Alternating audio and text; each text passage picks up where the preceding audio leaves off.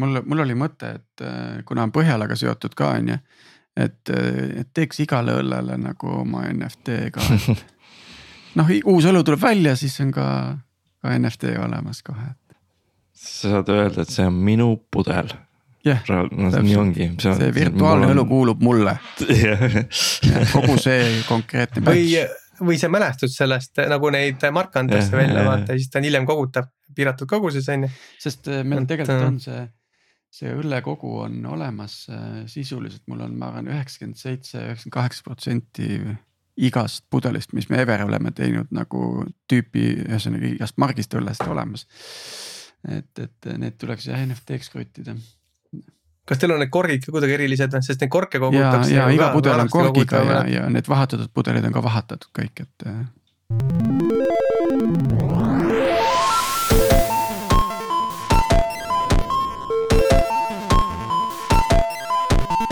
Tere, käes on taas kahekümne neljas märts, nagu ka eelmise nädala saade ütles.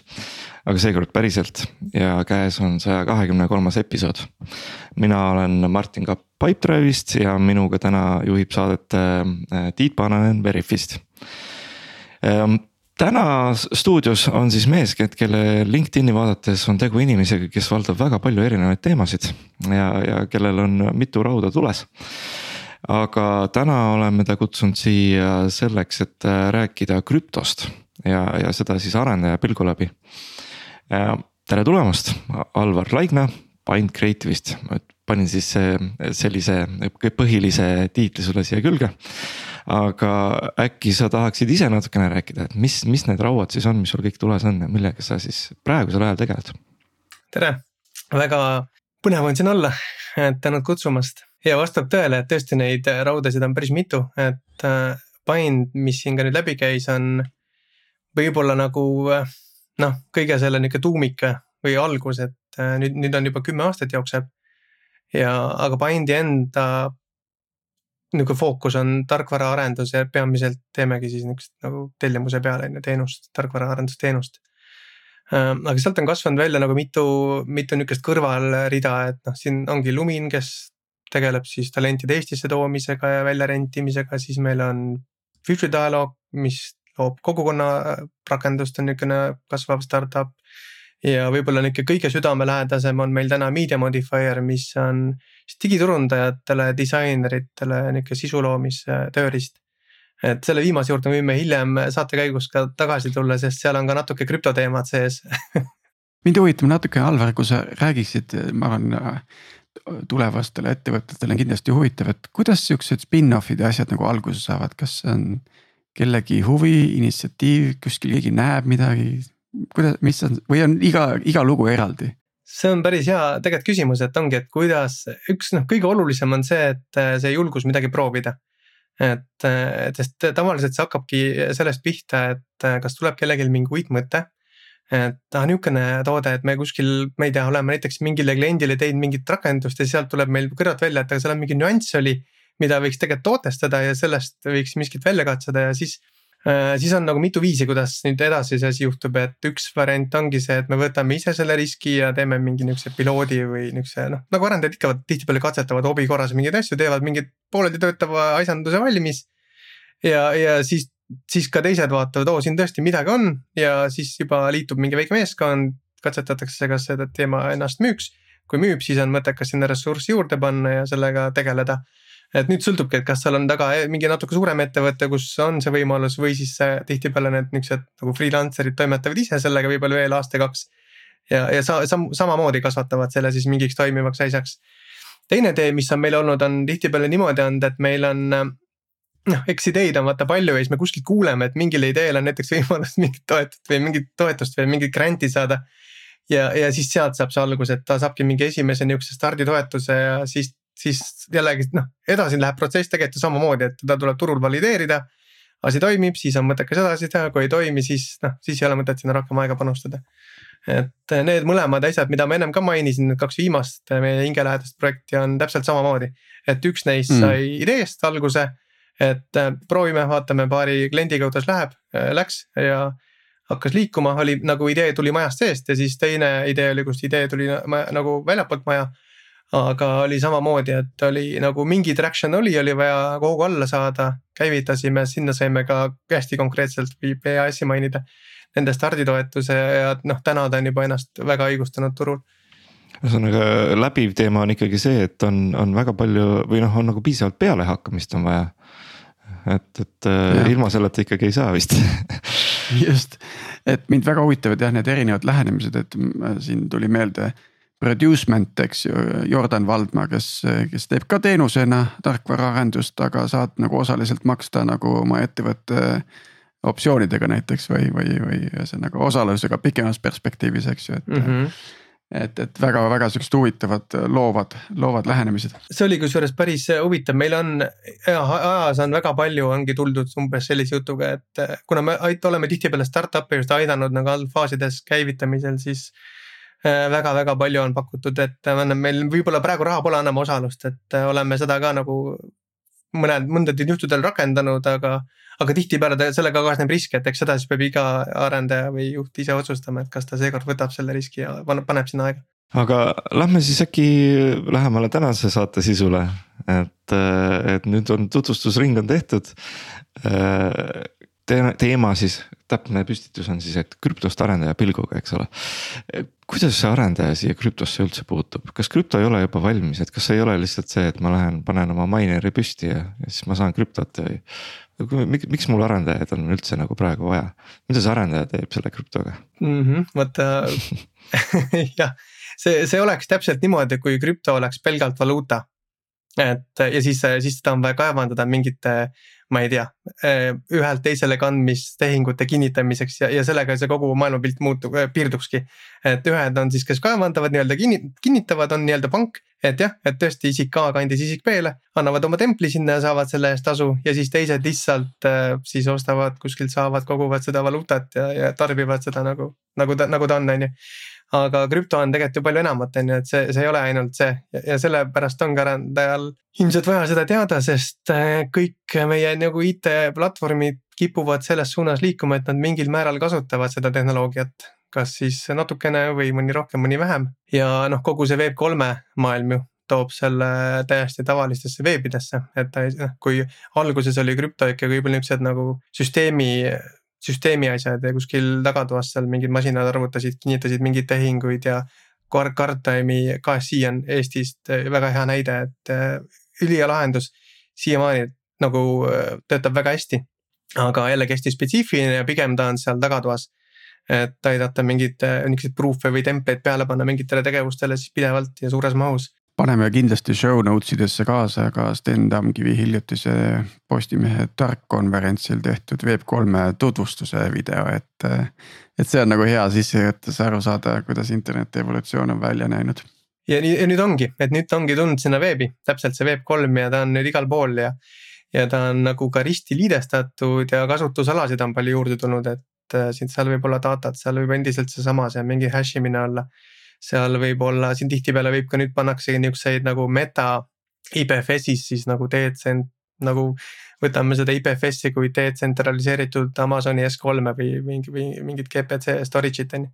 muide, see on huvitav, huvitav track, et, et kas see, kas see on midagi, mis, mis nagu päriselt võiks lennata, storage, detsentraliseeritud storage põhimõtteliselt nagu suures mahus ma mõtlen. on küll ja ega ta ei ole otseselt midagi uut, vaata, meil on ju olnud äh, või noh, tänagi on torrentid ja.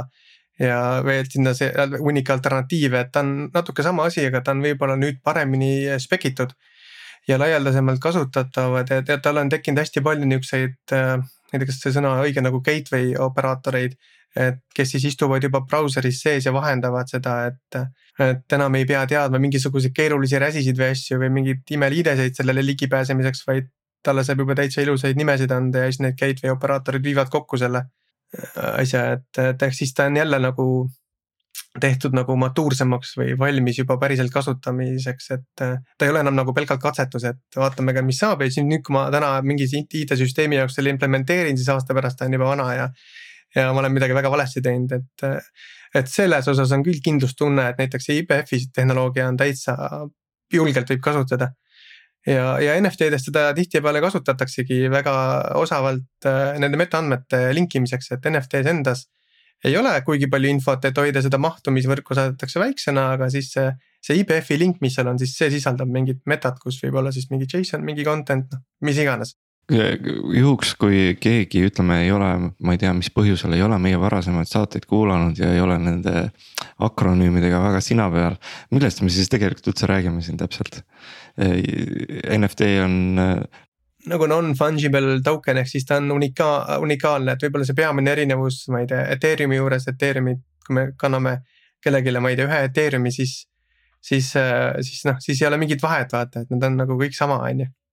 Aga kui ma kannan sulle mingi NFT, siis seda saab ainult olla äh, üldjuhul üks on ju, noh NFT-s nüüd on tekkinud ka niuksed standardid, kus seda saab näiteks teha kümme tükki, see üks, üks, viis viis on ju, et aga, aga endiselt on seesama põhimõte, et ta on ikkagi unikaalne ja need kümme, mis seal siis on, oleksid ka unikaalsed. ja, ja see, millest me siin rääkisime, IPFS on sisuliselt selline siis nagu. kuidas sa nimetaksid seda eesti keeles no. Eesti, kas me eesti keeles saame nimetada üldse neid asju praegu, vist ei saa hästi. ma arvan, saame küll, aga mina nimetaksingi seda detsentraliseeritud andmekogumiks siis yeah.. et nagu, nagu data, datapank, mis on siis laiali igal pool kas, kas nendel süsteemidel, okei okay,, see me võib-olla kaldume natukene krüptost siin kaugemale, kuigi ma ei tea nüüd kuivõrd, aga. aga kas sellisel süsteemil ei teki samu probleeme nagu peer-to-peer'il, et, et kui, kui see on hajutatud, eks ole, ja mingisugused node'id on puudu. Mis siis saab nagu, kust me, kust me siis selle, need andmed kätte saame? või, või, või ütleme praegusel juhul seda, seda probleemi tekkida ei saa, et kõik peab olema ikkagi ühendatud veebiga peab ühendatud olema küll jah, aga näiteks niuksed võib-olla väga andmekriitilised süsteemid, et äh, neid on võimalik ka ise. Neid nõude püsti panna, et siis sellega saab võib-olla end, endale kindlustada, et sinu, sinu mingisugused äh, serverid igal juhul seda siis äh, väljastavad, on ju. et neid võib majutada, ma ei tea, AWS-is, Google, Google'i pilves, lisaks siis sellele detsentraliseeritud üldisele kogukonnale saab ka ise tegelikult neid püsti panna ja. ja sellega võib-olla kindlustada enda teenuse ligipääsetavust sellele andmestikule. See on ikka väga äge sihuke nagu hübriidsüsteemid tundub olevat sihuke, mis järjest kanda kinnitab, erinevates osades on seal kõik hajutatud, riskid hajutatud, andmed hajutatud, kõik on hajutatud saab võrdlemisi palju jah hajutada, aga ega lõpuni me ei saa, on ju, et noh, sama nagu igast DDoS rünnakutega, et et lõpuks see kaitse on ju see, et see, ma ei tea, võrgusüsteem lükkab ennast kuskilt välja, et noh. et, et kui keegi ikkagi tahab väga kurja teha, siis tõenäoliselt ta teeb selle mingil viisil ära ikkagi selle kahju, on ju. lihtsalt me saame jah neid riske nagu võimalikult palju maandada. kui nüüd mõelda, et, et inimene huvitatud sellest, eks ju, siis äh, kuidas sa muidu äh, hakkad äh, midagi otsast arendama, on, on see, et sa nagu lähed kuhugile nagu proovima, õppima või teed mingi proof of concept'i MVP. eks ju, ja, ja, ja hakkad vaikselt nagu nokitsema, on ju. Et äh, Sten tõi oma presentatsioonis välja, et täna on nagu maailmas kaheksateist tuhat plokiahela arendajat. ja praegu lisandub iga kuu kolm tuhat, et äh, ja ilmselt see tempo veel kiireneb, et äh, mis siis, mis see mis see vahe on mis, mis on need asjad, mis, mis arendajal on vaja äh, nagu plokiahela arendamisel või, või tarkade lepingute ehitamisel? Jah, see number oli päris hea, kaheksateist tuhat, kui me nüüd paneme selle maailma mastaapi, siis see on noh võib tikutulega neid häid inimesi taga otsida tegelikult et kus on nagu miljoneid, miljoneid arendajaid ja siis meil on ainult kaheksateist tuhat, sellest on nagu plokiahela arendajad. jah, koondunud võib-olla palju neid, palju neid erinevaid äh, initsiatiive selle ringis mingisugune mõnisada äkki praegu, eks ju, kes midagi teevad, on ju, et sinna ümber on kogunenud mm. -hmm. suuremaid jah, jah, et need ilmselt veavadki seda eest ja, ja sealt tuleb ka kõige paremat niukest järelkasvu lisaks nendele, kes ise õpivad. et aga mis vaja on, ta on jällegi on väga huvitav, et me oleme ka, kui me nagu sinna krüptosse rohkem sisse läksime. et ega me ka alguses ei teadnud sellest suurt midagi, et ta oli, mis see võis olla, kas ka kaks tuhat kolmteist äkki või midagi sellist või noh, natuke varem, aga ütleme kaks tuhat kolmteist hakkas juba see asi liikuma ja siis oli. Bitcoini indek oli seal seitsme ja kümne dollari vahel. et isegi kaevandasime seda ja toimetasime seal ja meil oli mitu klienti, kes meil tahtis suure hurraaga nagu kogu seda summat Bitcoinis maksta ja siis me olime niuksed skeptilised, ei võtnud seda vastu ja jäime nagu tuhandetest Bitcoinidest sisuliselt ilma et aga noh, elu ja kogemus aga siis hakkas ja siis ta oligi nagu tehniline ja, ja, ja siiamaani on ta nagu, nüüd on jaotunud kaheks, on ju, et. Et me oleme ka teinud erinevaid grant'e, seal on mõned ongi niuksed, on juba niuksed Web3 laadsed, nad on nagu Node'is arendatud. tihtipeale seal JavaScripti veebitehnoloogiat kasutades suuresti, siis me, siis me oleme näiteks teinud sellist äh, krüptoplatvormi nagu Dash, mis on jällegi vastupidi, et ta on ikka tehnilisem juba siis arendatud Äh, oleme sinna mõningad opcode'id juurde loonud see on kõik juba siis on ju, et noh, seal on jällegi arendaja kompetentsid natuke teistsugused, et ta peab seda low level, seda mäluhaldust tundma ja natuke aru saama, kuidas seal mingeid operatsioone teha ja täiesti teistsugune maailm. et see ongi see koht, kus see nagu jaotub, et need, kes on huvitatud tõesti võib-olla see plokiahela, et noh, et nad tahaksid ise näiteks, ma ei tea, võtta Polkadoti, fork ida seda, teha sinna midagi juurde, et siis on hea, kui sul on täpselt niuksed nagu low level programmeerimise kogemused olemas, et sa tunned seda mäluhaldust, kuidas mingeid operatsioone teha, kuidas protsessorid töötavad. Äh, keeltest võib-olla ongi C ja C ja sellised, noh küll tulevad sinna ka mingid niuksed uuemad nagu code ja asjad rohkem sisse, aga jällegi, et noh, sa pead natuke teadma, kuidas masinad töötavad ja kuidas kogu see võrk ja võib-olla veidi ka krüptograafiat sinna hulka või noh, kindlasti nagu krüptograafiat sinna hulka, et siis siis sa suudad selliseid asju teha ja aru saada, et kuidas see data seal liigub ja kuidas neid arvutusi tehakse ja kuidas, kuidas see räsi seal, kuidas neid uusi wallet eid tekitatakse ja kuidas kandeid saab valideerida ja no päris palju nihukest hästi nagu sügavuti. ja nihukest matemaatiliselt olulise, olulist teadmist ja siis on teine pool, kus on, mis on nüüd see Web3 ja kus on hästi palju tulnudki nihukest JavaScript, Node.js. kõik sellised asjad, kus tihtipeale ei ole enam vaja teada nagu niisuguseid masinkoodi põhi, algpõhimõtteid, vaid ongi pigem nihuke veebi programmeerijatele ja sellistele noh, natuke see teine maailm ja seal, mida nad teevad, nad rohkem nagu kasutavad seda platvormi siis, mis on, mis seal all tegelikult seda. Neid toiminguid teeb, on ju ja, ja see ongi võib-olla see ka, kus tulevikus see mass hakkab siis olema ja kus noh, nagu meil ka veebis tegelikult on ju niisuguseid nagu süsteemiarendajaid on ju ka tegelikult palju vähem kes loovad niisugust alustarkvara kui neid tegelikult, kes sinna peale siis ehitavad igasuguseid plugin eid, veebilahendusi, infosüsteeme, mis töötavad sisult veebis. Et eks ta niimoodi on ja krüptos on täpselt samamoodi, et ongi, et kuskil ma ei tea. üks neljale võib-olla, et siis üks neljandik on need, kes seda süsteemi loovad ja siis kolm neljandikku, kes sinna kõike muud peale arendavad ühesõnaga kokkuvõtteks, et, et, et kui tänapäeval me räägime krüptost, eks ole, et siis, siis selleks, et midagi krüptoga üleüldse teha või NFT-dega. ei pea sul otseselt olema nagu seda kogemust, sa võid võtta mingi eksisteeriva platvormi võib-olla. Ja, ja pigem mõelda selle hea idee peale, mida sa tahad selle krüpto ja NFT-ga peale hakata üldse ikkagi mm. -hmm sa enne saadet mainisid ka veel siin, et, et asi on isegi nii kaugel, et meil on siin no code'i võimalik, äh, no code'is põhimõtteliselt võimalik äh, krüptot kasutada mis, mis see, kuidas see praktiline sealt nagu välja näeb või mis see Ongi tähendab nii. siis meie jaoks? ja, ja, ja see on võib-olla ka hea koht, kust äh, alustada, et natukene tutvuda, kuidas see asi üldse käib.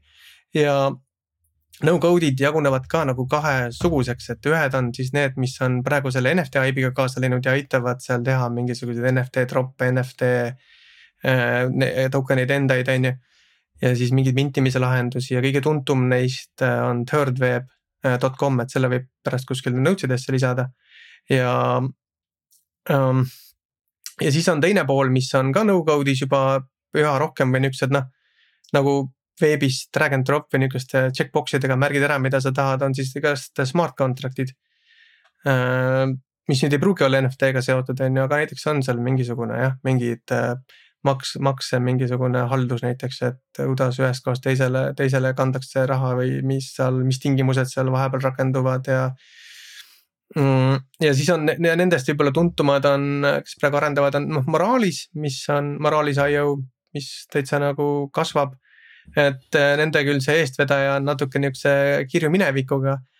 aga on see Ivan on code on ju et aga, aga jällegi täitsa nagu tundub, et midagi on ehitatud ja siis on noh fondu. mina soovitaks kindlasti vaadata Open Zeppelini, mis on, kus on nagu contract'ide baaslepingud ja noh baaskood.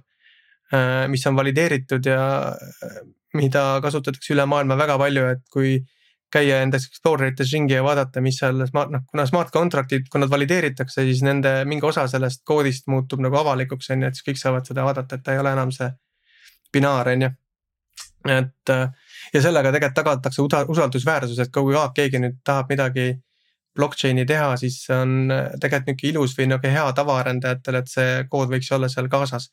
sest noh, kui siis ta on läbipaistev ja siis ta täidab kõiki neid nihukese avatud või nihukese noh, detsentraliseeritud maailma ja hea tava kombeid, et tõesti, et sa iga arendaja saab veenduda, et see kood ei tee midagi halba seal vahepeal, et kui sul on mingisugune pangaleping, aga sa ju ei tea, et noh, kas sind võtab, sul võetakse näiteks mingi lisaintress kuskil, millest sa pole teadlik, on ju, et siis sa saad seda koodi seal kontrollida, kui sa nii palju enam-vähem jagad, et eh, noh.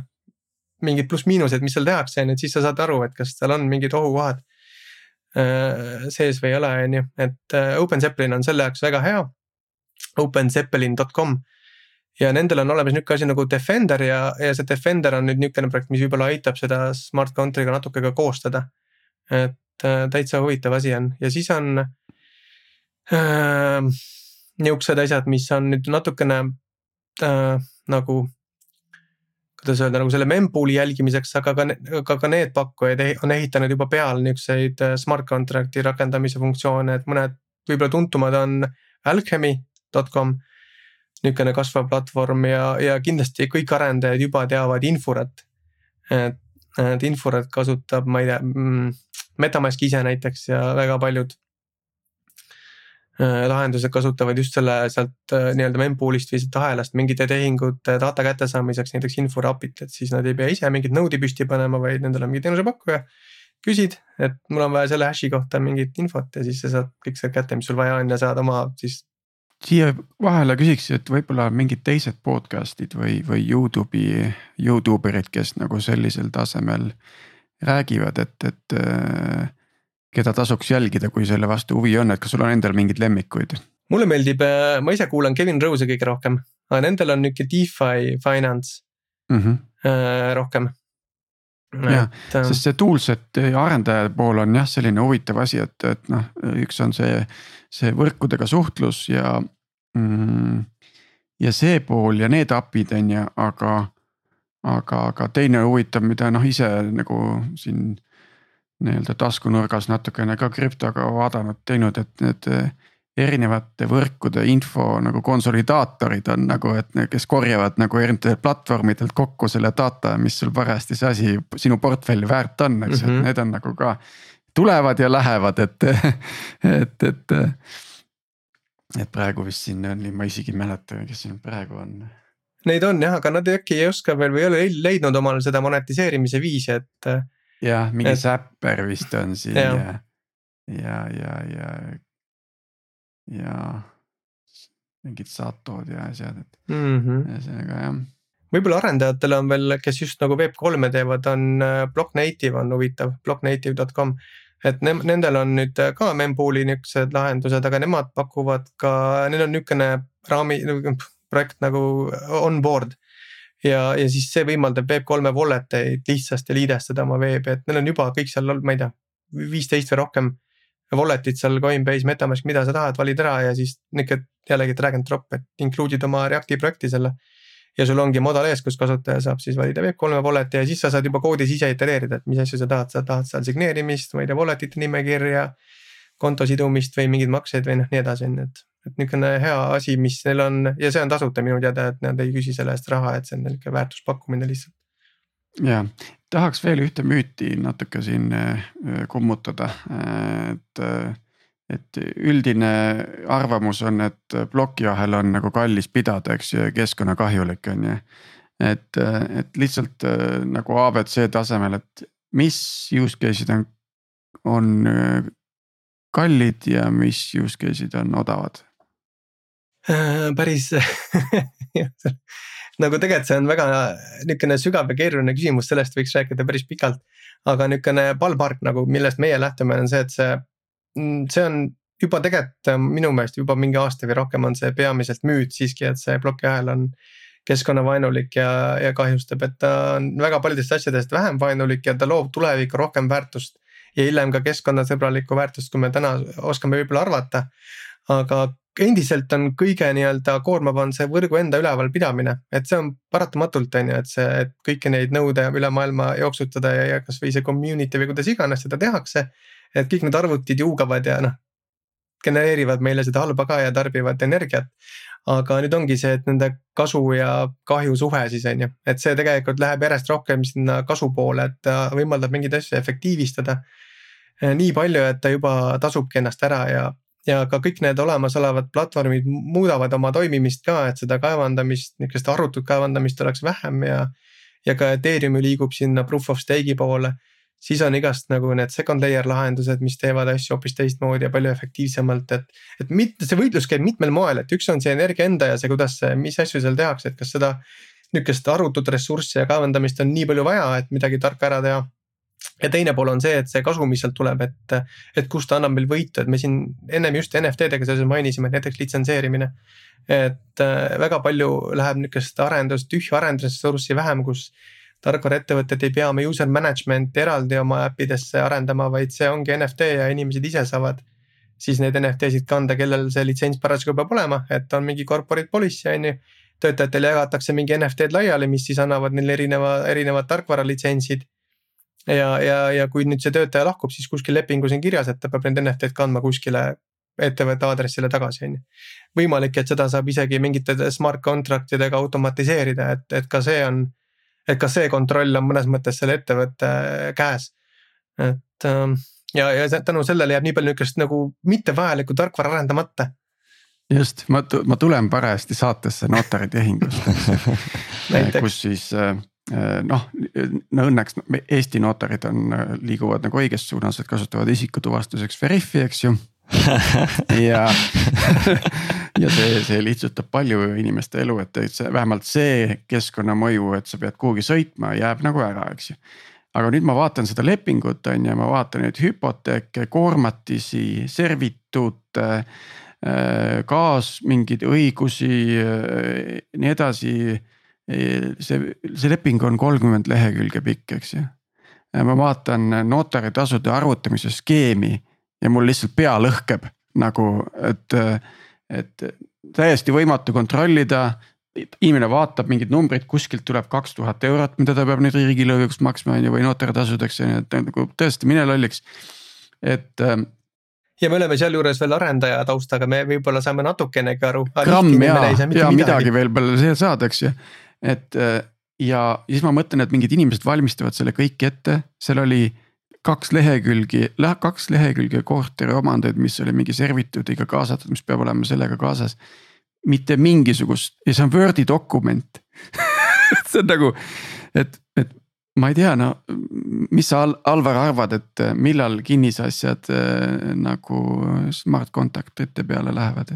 Jällegi, seal on vaja, noh, notar on natukene keeruline vaata, kuna ta on riiklikult reguleeritud, et ta vajab nihukest riigipoolset võib-olla nagu push'i või niukest noh, endiselt mingeid hankeid ja asju, aga on olemas ju täitsa nihuke open law äh, projekt, mis on äh, juba sisuliselt nagu smart contract äh, äh, mingite niisuguste juriidiliste asjade jaoks, et äh, kõik needsamad notaritasud saaks sinna lepingusse tegelikult sisse panna, mingid lisareeglid. Kuidas see kontroll käib ja siis saaks mingi riigimehhanism tegelikult seda lepingut nii-öelda hallata või automaat, automaatselt nii-öelda suunata ja kasutajate ja kasutaja jaoks oleks täis palju lihtsam, et võib-olla ongi mingi veeb, mis oskab talle need kohustused ja asjad hetkel just see oluline, mida tal sellel ajahetkel on, vaid jääda ette nagu lugeda siis. sealt koodist või seda tuua, ma ei tea, tal on nutitelefoni, mis tegelikult võiks juba kõik ilmselt ootavad, et sa võtad oma Google Home'i lahti ja sa näed juba seal oma riigi asju ka, on ju et äh, ja noh, notar on mõlemas üks neist, et äh, õigusbürood, mõned on juba liikunud tegelikult ju selles suunas, et kõik need niisugused lepingud koostatakse pool masin keeles juba ja need väljaprindid on siis nagu selle, selle mingi genereeritud tulem, aga tegelikult on see kuskil datas kõik see haldus mm. -hmm. aga, aga notar on jah keerulisem, et skip isime seda teemat, mis, mis teeb kalliks mis teeb, mis teeb asja mm -hmm. mõistlikuks, eks ju. et, et ma saan aru, et tegelikult äh, krüpto ja DeFi maailmas äh, on ka jõutud nagu juba evolutsiooni, evolutsiooniliste järgmiste etappideni, ehk siis on midagi õpitud ja, ja ette võetud midagi, et asja muuta, eks. Ähm, ma ei tea, millal Ethereum kaks välja tuleb? no räägitakse vist selle aasta lõpus nüüd on ju, et ta on tegelikult väljas juba, et huvilised saavad sellega juba toimetada. Äh, Ethereumi lehel on täitsa info olemas, aga, aga jah, niukene, äkki selle aasta lõpp, et kõik ootavad seda aega suuresti. aga just nendest kasu, korra, veel mainin, et see kasutus on hea teema, sest, sest e-riigi teemadel oleme siin ka nende asjapulkadega, kes just seal seda meie e-riigi IT poolt juhivad, arutanud äh, neid krüptovõimalusi ka, et miks Eesti näiteks ei võiks kasutada juba praegu äh, detsentraliseeritud äh, andmestikke on ju, et mingid asjad võiksid olla juba ju tegelikult plokiahelas. Mis e-riiki puudutavad ja siis seal oli, on kaks dilemmat on ju, et üks on, üks probleem ongi see know-how, et neid oskajaid ei ole veel piisavalt, kes sellest aru saaksid ja. ja teine probleem on see, et neid, seda ei osata kuidagi nagu sõnadesse panna siis otsustajatele, et kus see kasupunkt on. ja, ja omakorda on seal vahel nüüd see, äh, mis läheb kokku sellega, et sa küsisid, et mida on mõttekas plokiajalisse saata ja mida ei ole. et see oli ka nüüd üks hea argument, sest kui nüüd noh, kõiki isikuandmeid ei saa sinna, ei ole mõtet sinna panna. kahel põhjusel, üks on see, et osad andmed on võib-olla ei ole vaja avalikkusele noh, mis on privaatsed, et äh, siis, kui neid sinna panna, neid tuleks hakata krüpteerima, sellel kaob natuke mõte võib-olla ära ja teine pool on see, et mida rohkem andmeid panna, seda kallimaks ju nende hoidmine ja nende saatmine sinna läheb, et võib-olla koormab seda võrku asjatult. aga siis jäi õhku see, et äh, igasugused tehingu hash'id ja kinnitused ja niuksed aja, aja, noh ajatemplid sisuliselt, mis võiksid olla plokiahelas, et seal on mingi sündmus toimus sul elus oluline. kas see oli mingi toetus, sünnitus, mingi muu asi, siis selle nii-öelda dokumendi räsi koos mingi olulise infoga, et, et mingi isikuräsi ja võib-olla ka mingi aeg, et, et see toimus, et siis sellist asja oleks võimalik sealt välja lugeda. ja kui see asi ka äh, klassifitseerida, siis on võimalik selle peale teha mingeid sündmusi hiljem, on ju. et masinad saavad omavahel juba toimetada ja kuulata mingeid võrke, aga see kõik toimub detsentraalselt. et selle jaoks ei ole vaja mingeid infosüsteeme luua, mis siis seal, ma ei tea, näiteks riigipilve selle, vabandust äh, XD, XD-st on see upgrade on see X-Rooms vist on ju, kus siis äh, on nagu mm -hmm. nihuke event pool või niukene, kus sa saad mingisuguse sündmuse saata ja siis ka kolmandad osapooled on võimelised sellele reageerima. Et üks näide oligi see vist, et näiteks on mingi see sünnituse teema on ju, et siis sa saad. Et see, see, et nüüd, nüüd, nüüd sa kodus annad kuidagi märku, et nüüd sa lähed sünnitusmajja ja siis saavad kohe, ma ei tea, takso teenusepakkujad sulle automaatselt saata sinna, et näed et ma olen siin kahe minutiga sinu juures viinud su ITK-sse näiteks on ju. Läheb nii palju maksma ja sa saad juba sealt ühest kohast ära accept ida, see on võib-olla mingi, kas siis ongi riik on teinud operaatoritega koostööd seal Google või Apple või nad on ise mingi rakenduse loonud, mis siis seda asja kõike nagu. seda UI-d pakub, aga data käib kuskil ongi plokiühelas. Erinevad osapooled kuulavad seal mingeid sündmusi, et siis ongi, et nad saaks kokku hoida, et nad ei pea ehitama eraldi seda event pool'i lahendust, vaid see event pool ongi plokiahel, aga ära tuleb standardiseerida, et millist infot ja kuidas ja, ja just niimoodi, et sinna ei pea seda datat ennast panema, vaid viited, sest need süsteemid, mis eh, juba täna on, on ju olemas, et noh. et neid saaks kõike taaskasutada ja võib-olla lihtsalt üks kiht sinna peale, mis annab sellise nihukese toob ühe hea, hea nagu, ma ei tea, võib-olla lükata ümber, aga ühe, ühe idee vi, viimase aja sündmustest, kus. kus sa pidid igale poole kohvikusse minemiseks võtma kõigepealt välja oma Covid passi ja siis isikut tõendava dokumendi kui keeruline oleks olnud selle, selle, et kui sul on nagu see tõend olemas. lihtsalt nagu tuvastada, et sul on selline token olemas. jah, NFT oleks, wallet, oleks saanud täpselt. lihtsalt mm -hmm. näitad oma telefoni, teed sealt piuksu ja see on mhm. valideeritud mm -hmm. riiklikult ja, ja ühtlasi ka haigekassa poolt ja selline token, mida ei saa oma rahakotist ära kanda, sest, sest see tõenäosus, et ma annan kellelegi nüüd oma rahakoti päris ära, noh, see on väga väike et inimesed ei anna oma pangakaarte võõrastele, aga ja kui neil see kandmise piirang peale panna, et nad seda ei saa sõbrale kanda, siis ongi need tänased probleemid ka lahendatud, kus seda PDF-i nagu jagati ja siis kõik olid Peetrid järsku on ju et, et võimalusi on, võib-olla see ongi see koht, kus äh, siis äh, paluks äh, võib-olla ka kuulajatele, et kellel on häid ideid, kuidas seda praktiliselt kasutada, et, et sa nagu ütlesid ka, et. et selleks, et kõrgematele siin kõrgemal istuvatele inimestele nagu selgeks teha inimeste keeles, et miks see on nagu kasulik jah, kui me NFT-de juurde, võib-olla korra veel hüppame, et siis me ennem ka arutasime, et oli väikene niukene nagu. niuke high level list on ju, mis asjad, mis, mis, mis siis täna nagu äh, tehakse või, või mis on leidnud mingil määral nagu rakendust, et äh, ongi, et see võib-olla algab sellest digitaalsest identiteedist äh, mille alla lähevad ka näiteks mingisugused omandid, on ju, ja seal on domeenid on hea näide, et Ethereumi need domeenid nende, kui sa selle endale soetad, siis sa saad nagu NFT ja NFT-ga siis näidatakse ära, et see kuulub sulle. et äh, ja sinna saab siis siduda oma isikuandmeid ja kõiki asju, et noh, ta ongi nihuke identiteedi NFT sisuliselt mõnes mõttes. et sa näidata, kes sa oled siis on äh, omandiõigusest on igasugused registrid veel, et noh, praegu on ka neid kinnisvara asju järjest rohkem tahetakse teha NFT-dena on ju, et sul on mingisugune omandiõigus, siis näitab ka see NFT on ju, et sulle kuulub miski.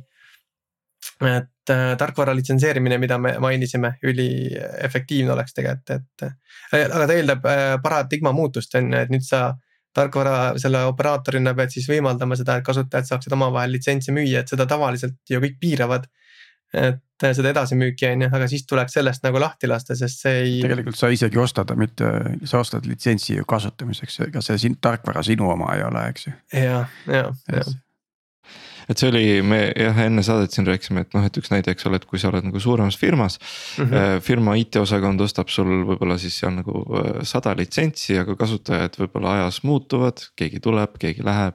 aga, aga litsentsi on võimalik üle kanda ühelt teisele, et miks mitte seda tõesti teha nagu lihtsalt NFT-dena, et, et, et sellisel juhul litsentsi müüjal äh, on üsna ükskõik sellest, selles mõttes, et token tema on nagu NFT-d laiali jaganud ta teeb oma müügi jah igal juhul on ju ja kuskilt neid äh, rikkumisi juurde ei tule, sest noh, kui sa oma NFT ära kannad, siis see sinult ongi ju läinud, nüüd kui sa seda tagasi tahad saada, siis sa pead ilmselt uue ostma, sest noh et, et jagada seda ei saa, sellepärast et üks saab korraga kasutada, sest token liigub, eks ole, ja, ja. et äh, jälle väga huvitav no, tõesti kasutuskoht.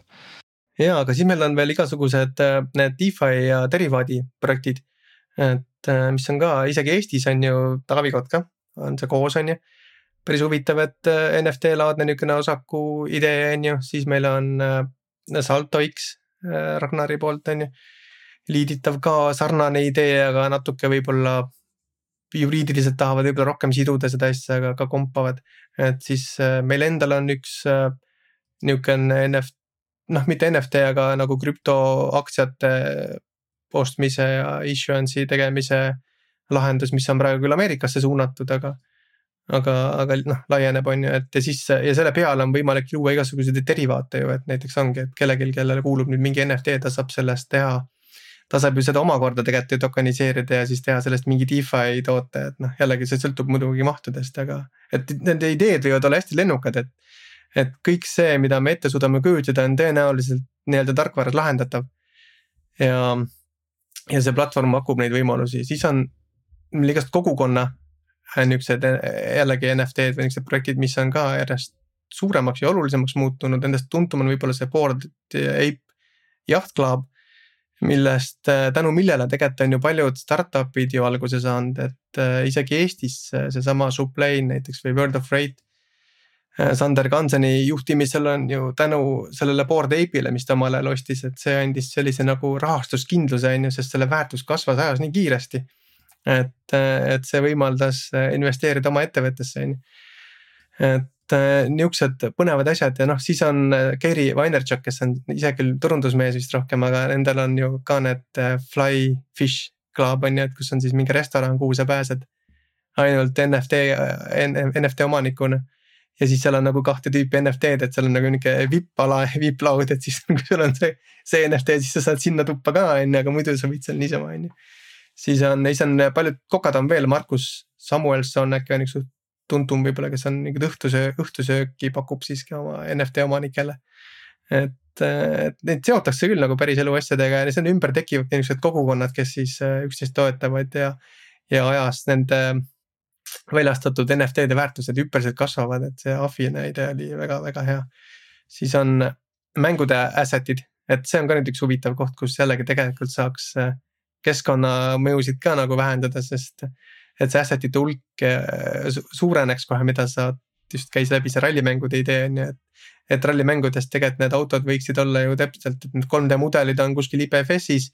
NFT kirjeldab ära selle baasomadused, kuskil on mingi breach ja erinevad siis Assetto Corsa või Dirt saavad siis oma breach'i kasutada, et nad et seesama NFT küll töötab, aga, aga minu mängus need omadused natuke võib-olla teistsugused aga kasutajale ta pakub niukest lisanaudingut ja niukest väärtust, et tõesti, ma saan oma selle lemmikauto igasse mängu Just, kaasa võtta. et kui ma olen saanud kuskilt läbi nagu suure vaeva ühe selle noh vägeva auto kätte, eks ole mm, -hmm. et mhm. siis. Äh, et sellesama NFT kaudu, siis ma saan seda kasutada ka mõnes teises sama, sama NFT-d toetavas mängus siis. et äh, noh, avatarid on Eestist võib-olla hea näide ka, kus on, sa teed ühe avatari ja siis sa kasutad seda igal pool, et äh, tegelikult see kontsept on sama, aga, aga seal oli võib-olla äriliselt seda lihtsam teostada, sest seal ei teki seda mängudisainerite probleemi, et ma ei taha, et mu mängus kasutatakse neid asju. Et äh, avatar on väga hea, et see on tõesti nagu hea nišš ja toimib ja ka tõestab seda, et see vajadus või see kasutajad võtavad selle väga avasüli omaks. kuigi NFT asset itesse mängudes endiselt on ka see skeptisism on väga suur ja kardetakse võib-olla just seda, mm, mis on juhtunud nende mikromaksetega. et äh, kasutajalt kooritakse nagu kõik see noh, viimne ära lihtsalt mingi jama tegelikult eest, on ju. et võib-olla see on tekitanud seda hirmu ja seda eemalhoiakut, et nüüd on NFT-d, et see on ka haip ja seal juhtub seesama jama ja. ja meid lihtsalt tüstatakse, et noh. et eks seal on vaja jällegi seda, see, need operaat-, need tegijad peaksid kuidagi selle kogukonnaga paremini suhtlema, et mis väärtust nad siis sellega juurde tooksid ja ja miks see oleks mänguritele või kogukonnale vajalik, et see ei ole ainult neilt veel rohkem nagu ära võtta, vaid midagi lõpuks ka tagasi anda. et äh, kasvõi selle, et ma saan võib-olla oma selle auto, näiteks seesama auto näide, et see auto äkki ajas selle väärtus tõuseb, et siis ma mängurina saan lõpuks, aga paari aasta pärast, kui mind on see ammendanud. Äh, ma saan selle näiteks rahaks teha tagasi või siis mm. ma noh et millalgi mitu asja, et jah. noh, et on, on mänge ka, millel okei okay, seerias on juba, ma ei tea, kui palju mänge, eks ole mm, -hmm. aga mhm. see NFT, mille sa oled omastanud, ütleme teises mängus. sa võid selle kanda ka hiljem üles seitsmendasse näiteks, et see on sinu klassik nii-öelda. Jah, eriti sama et... maailma mängudes on see väga, väga hea võimalus. oh jaa, Pokemonidest ma tean, tean suht palju tänu teatud seltsimeestele, kes aeg-ajalt minu kõrval on, et. jaa, jällegi hea, hea koht, siis on, siis on, siis on veel paar asja, on, on see piletid, on ju. et igast mm -hmm. ürituste piletid, mida täna metaversis äh, ju juba rakendatakse, aga võib-olla päriselus on use case'e veel vähe. aga väga okei okay oleks, et mingi kontserdipilet äh, saada NFT-na. kasutades seda siis kohapeal kohapeal näitadki oma wallet'is, skännitakse, saad sisse. aga mis on see hea, et ta jääb sulle digitaalseks mälestuseks, et sa oled sellisel kontserdil käinud ja ta on jälle nagu see collectible siis, et kui muidu see paberipilet võib-olla noh, see kaob ära, unustad ära, kogemata hävineb kuskil. aga siis on hea vaadata seal oma wallet'ist, et näed, käisin, ma ei tea, Metallica kontserdil, et.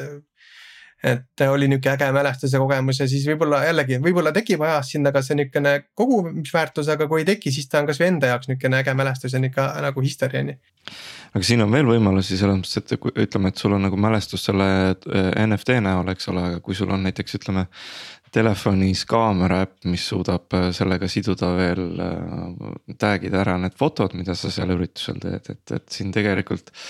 võimalusi ju oleks nagu veel ja veel, eks ole, et kuidas nagu ähm, jäädvustada midagi enamat veel on ju. just täpselt ja, ja, ja, ja. Jah, sellest me tegelikult tulemegi väga huvitava selle aspekti juurde, et, et tegelikult ähm, okei okay,, hakkame kaugelt pihta GPT kolm, eks ju Äh, kes suudab põhimõtteliselt äh, imiteerida nagu inimest, äh, eks ju. noh, nad nagu, kuidas natural language processing, eks ju. et, et, et inimene enam ei saa eriti aru, suudab content'i luua väga massiliselt, eks ju, väga paljudesse kohtadesse, eks nagu sisuliselt mikrohinnaga on ju. et ähm, ja siis on kõik see content, mida me igapäevaselt tarbime. me ei tea, kes selle on kirjutanud, me ei tea, kas see põhineb mingitel faktidel, meil ei ole võimalik seda autorit kindlaks teha, kui ta on pseudonüümi all ja nii edasi. et ähm, kas sa, Alvar, näed, et tulevikumaailmas on content on, on signeeritud ja valideeritud? mulle tundub küll, et see, see on mingil määral isegi järjest rohkem vajalik, et, et autentsus saabki selle sama signatuuriga siis äh, kontrollida, et, et see inimene on see ajakirjanik, on, oleme me siis ise, kes me midagi postitame, et siis me justkui anname nagu selle oma vastutuse kaasa sellega. ja, ja sellega võib-olla ka seotakse siis seda, et kui kuskil tõesti toimub mingi tuvastamine, siis jällegi see tao pool võib-olla natuke juurde, et see kogukond saab mm -hmm. siis äh, mingisuguseid flag'e sinna külge panna või noh, nagu praegu teevad paljud sotsiaalmeedia operaatorid, et neil on mingid erapooletud äh, hindajad siis, kes otsustavad, et nüüd seal on valeinfo ja seal ei ole ja nad teevad seda kõik käsitööna, et siis see saab olla nagu palju võib-olla niisugune automatiseeritum. noh, sellest samast asjast sa ka rääkisid, aga just see, et võib-olla seda, et seda nii-öelda jällegi seda müra vähendada, et siis see signeerimine annab küll juurde, et see aitab kohe eristada. et kas me oleme siis seal avalikul seinal, kus on, ei tasu midagi usaldada.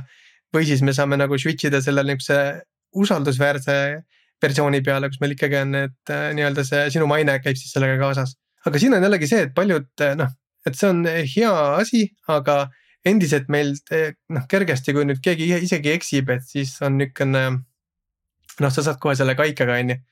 et kuidagi niisugust tolereerimist on ka siis juurde vaja, et siis inimesed julgeksid ja oleksid noh nõus ka avalikult oma selle templi sinna külge panema ja võtma mingi riski, on ju, et et ühest küljest on see vastutus, et jaa, et ma tõesti peaksin vähem mingit jama ajama või kontrollimata fakte välja käima liiga tugevalt, enne kui ma pole kindel või siis ma peaks rõhutama nii nagu asi on, et ma ei tea, on ju. aga ma arvan, aga teisest küljest, et ei kaoks see julgus ka ära üldse nagu siis kuskil osaleda, et siis mm -hmm. jäävadki ainult need, kes seda, seda nii-öelda seal vetsuseina peal teevad, et äh, teised lihtsalt ei taha ennast siduda, sest nad aga saavad pärast on, seda, jah. siin on seesama teine pool, eks ole, et, et miks ainult siis äh, sisu loojal peaks olema nagu tempel küljes, aga, aga sisu kommenteerijal ja tarbijal Sama, kõik, on tegelikult samamoodi mm. -hmm. ja see tempel, kui see on identiteet, siis ei ole vahet, mis platvormiga sul tegu on, me teame, et see on seesama. Mis iganes, kes seal ühe seina peal seal läbustas, eks ole, et noh, seesama kutt on siia sattunud ja kui mm. -hmm. kui me ta ühes blokime, siis on tal nagu märk küljes igal pool jah, kui oleks ka see ka detsentraliseeritud, et igasugune sisu loomine, et mitte ainult siis nagu jah, need äh, nii-öelda ettevõtted või, või need operaatorid või toimetajad, aga tõesti igasugune sisu, et. et siis see oleks hea, aga siin jällegi, see on jällegi alati see kahe teraga mõõk, on ju. Et ühest küljest ma nagu näen, et see võiks olla, aga teisest küljest annab ka niukse väga palju andmeid läheb siis äh, nagu online, et kui sa nüüd seda kurjasti suudab keegi ära kasutada, et siis jällegi see pool ka süveneb, et seda ei maksa üle karta aga alati tasub korra mõelda, et aga, aga mis see siis nagu see plaan B on, kui see juhtub, et äh, mis iganes siis isikuandmed kuskil lekivad või keegi saab sellele ligi mingil viisil, mille peale me täna veel ei tule. no siin on ka muidugi see pool, et, et see sõltub, mida me jah nagu äh, ette kujutame tulevikus, eks ole, et, et võib-olla mul sihuke nagu pool, poolanonüümsus, eks ole, et mul on nagu veebi identiteet, aga see ei pea avalikustama minu isiklikku identiteeti. aga samas see veebi identiteet, temal tekib oma maine.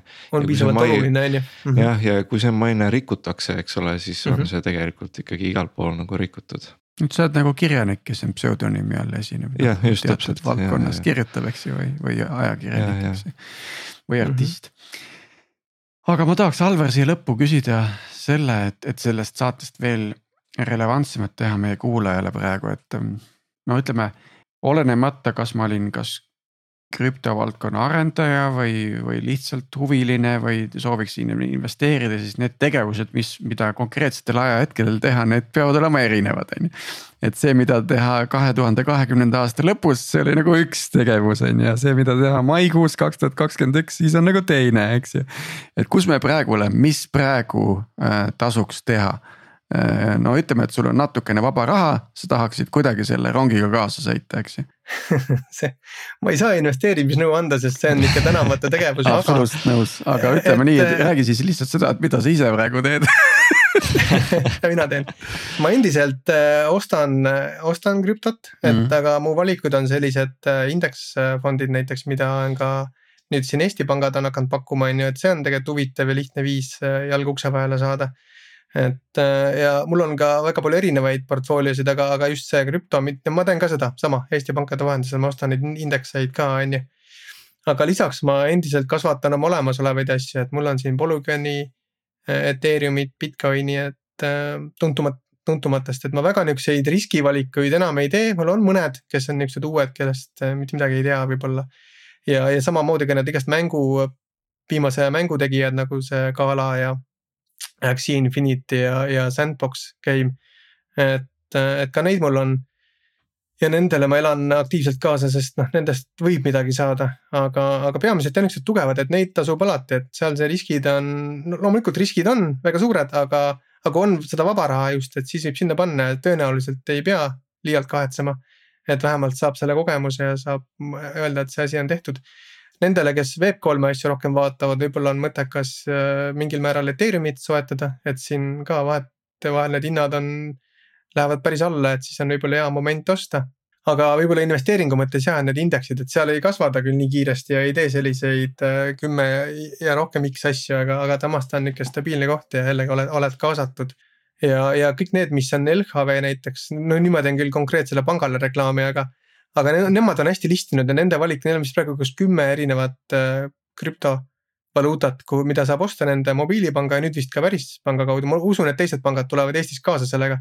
et äh, võib-olla need on ka niuksed äh, natukene riski, vähema riskiga, et need on noh, kui pank on enam-vähem otsustanud, et nende analüütikud ütlevad, need on okei okay,, need paneme sinna sisse, et need ei, on natuke vähem võib-olla volatiilsed.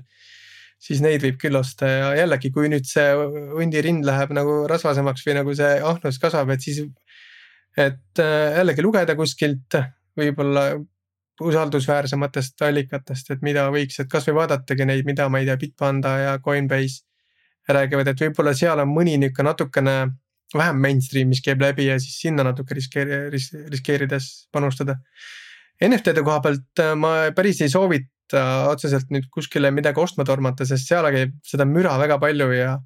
ja siis peab ikkagi teadma äh, natuke ette, mis seal see taust on ja äh, isegi need oksjonimajad, kes on praegu tuntud siin UK-s ja teevad neid oksjoneid, isegi seal tegelikult äh, sinna võib sattuda kaupa, mis ei ole võib-olla tege-, seal ei ole tegelik väärtus nii suur. Äh, sest nende huvi on ka ju seda vahendustasu saada ja nad võivad võtta asju sinna vastu, mis siis nii-öelda. See mitu uudist on lausa olnud, kus on nii-öelda seda kunstlikult tõstetud seda hinda ja siis ta on oksjonil kallid maha müüdud, aga. aga keegi ei, ei tea, mis selle tegelik väärtus on no see on kunst, selle väärtus on see, mis inimesed ütlevad, mis selle väärtus on, eks ja see on õige, aga mõnikord võib sinna sattuda sellist, kus inimesed jah, ei lõpuks ei kinnitagi seda väärtust, et siis sa oled mm. üksi sellega, et siis just, ta on sinu silmarõõm et siis võib rahast kahjuks ilma jääda, et sellepärast ma NFT-sid võib-olla ei soovita päris huupi osta, et. mida me ise oleme NFT-dega ka teinud, me oleme neid Eesti artistide omasid soetanud, et see on lihtsalt nagu rohkem nagu toetuse avaldamiseks, et, et see on okei okay,, sest seal sa tead seda artisti me oma inimesi teame siin, aga mingid võõrad projektid internetis, mis näevad välja kõik nende ahvide sarnased, et noh, seal tõenäoliselt on väga raske nagu eristada seda päris asja, kus on, kus see kunstnik ka. noh, miks on see, mida ma nimetan päris ja mitte päris, on see, et minu jaoks päris on see, kus see kogukond või kunstnikud või kes selle teinud on. ikkagi arendavad edasi seda ja käivad kogukonnaga kaasas. ja siis see müra on see, kes on need õnneotsijad, kes paiskavad mingile asjale sarnase asja. aga järgmine päev, kui nad on raha kätte saanud, nad on juba kadunud, nad tegelikult enam sellest kogukonnast ei hooli ja siis see on see, mis, mida mina nimetan mitte päris asjaks siis, et seal see tegelikult see omanik või see autor kaob ära. ja enam teda pole olemas pärast seda, kui ta on selle asja ära teinud. aga kõik need, kus autor on olemas, olgu ta tahes kehva, siis niikaua kui see kunstnik on ise seal kaasas hingega. nii kaua ta on hea ja võib-olla selliste väärtus võib ka tegelikult eas kasvada, sest nagu öeldakse, kunstnik on ju väärtuslik alles pärast oma surma, on ju. aga ta suudab kogu selle aja jooksul olla sellega kaasas hingega ja seda kogukonda arendada, siis siis ma usun, et need ka lõpuks nende väärtused kasvavad. aga jällegi näha ja teada neid eh, internetimaailmas, kus kõik on anonüümne, väga raske mm. -hmm. et eh, võib-olla lõpetuseks veel, et kui keegi, kedagi huvitab eh, krüptoteema eesti keeles, siis me Tarmo Annusega teeme FOMO taastusravi podcast'i peamiselt me räägime uudistest, aga, aga meil on kavas hakata tooma ka niukest tehnilist sisu sinna sisse, aga ta on ainult krüpto temaatiline, et kõik kuulata. see on äge jah. et ühesõnaga, kui te, kui te kardate ilma jääda äh, sellest podcast'ist, siis minge kuulake kindlasti jah, FOMO jah, nojah. ühesõnaga, meil tegelikult ongi aeg täis saamas ja oli suurepärane vestlus, minu meelest katsime väga palju huvitavaid teemasid siin ähm,. suur aitäh tulemast, Alvar sulle äh, ja, ja kõik, kellel tekib ideid, kes tahavad joonistada, kirjutada, me endiselt ootame neid pilte. Äh, ma ei tea, kas meil on mõni, ei vist ikkagi veel ei ole. nii et äh, ärge kartke, olge esimesed äh, ja eks me kuuleme siis jälle nädala pärast. ma omalt poolt ütlen, ütlen, ütlen veel nii palju siia, et kui nüüd kellelgi on huvi teha koostööd uute õllede NFT-deks keeramisel siis äh, räägime, võtke ühendust. aitäh, Alvar. aitäh.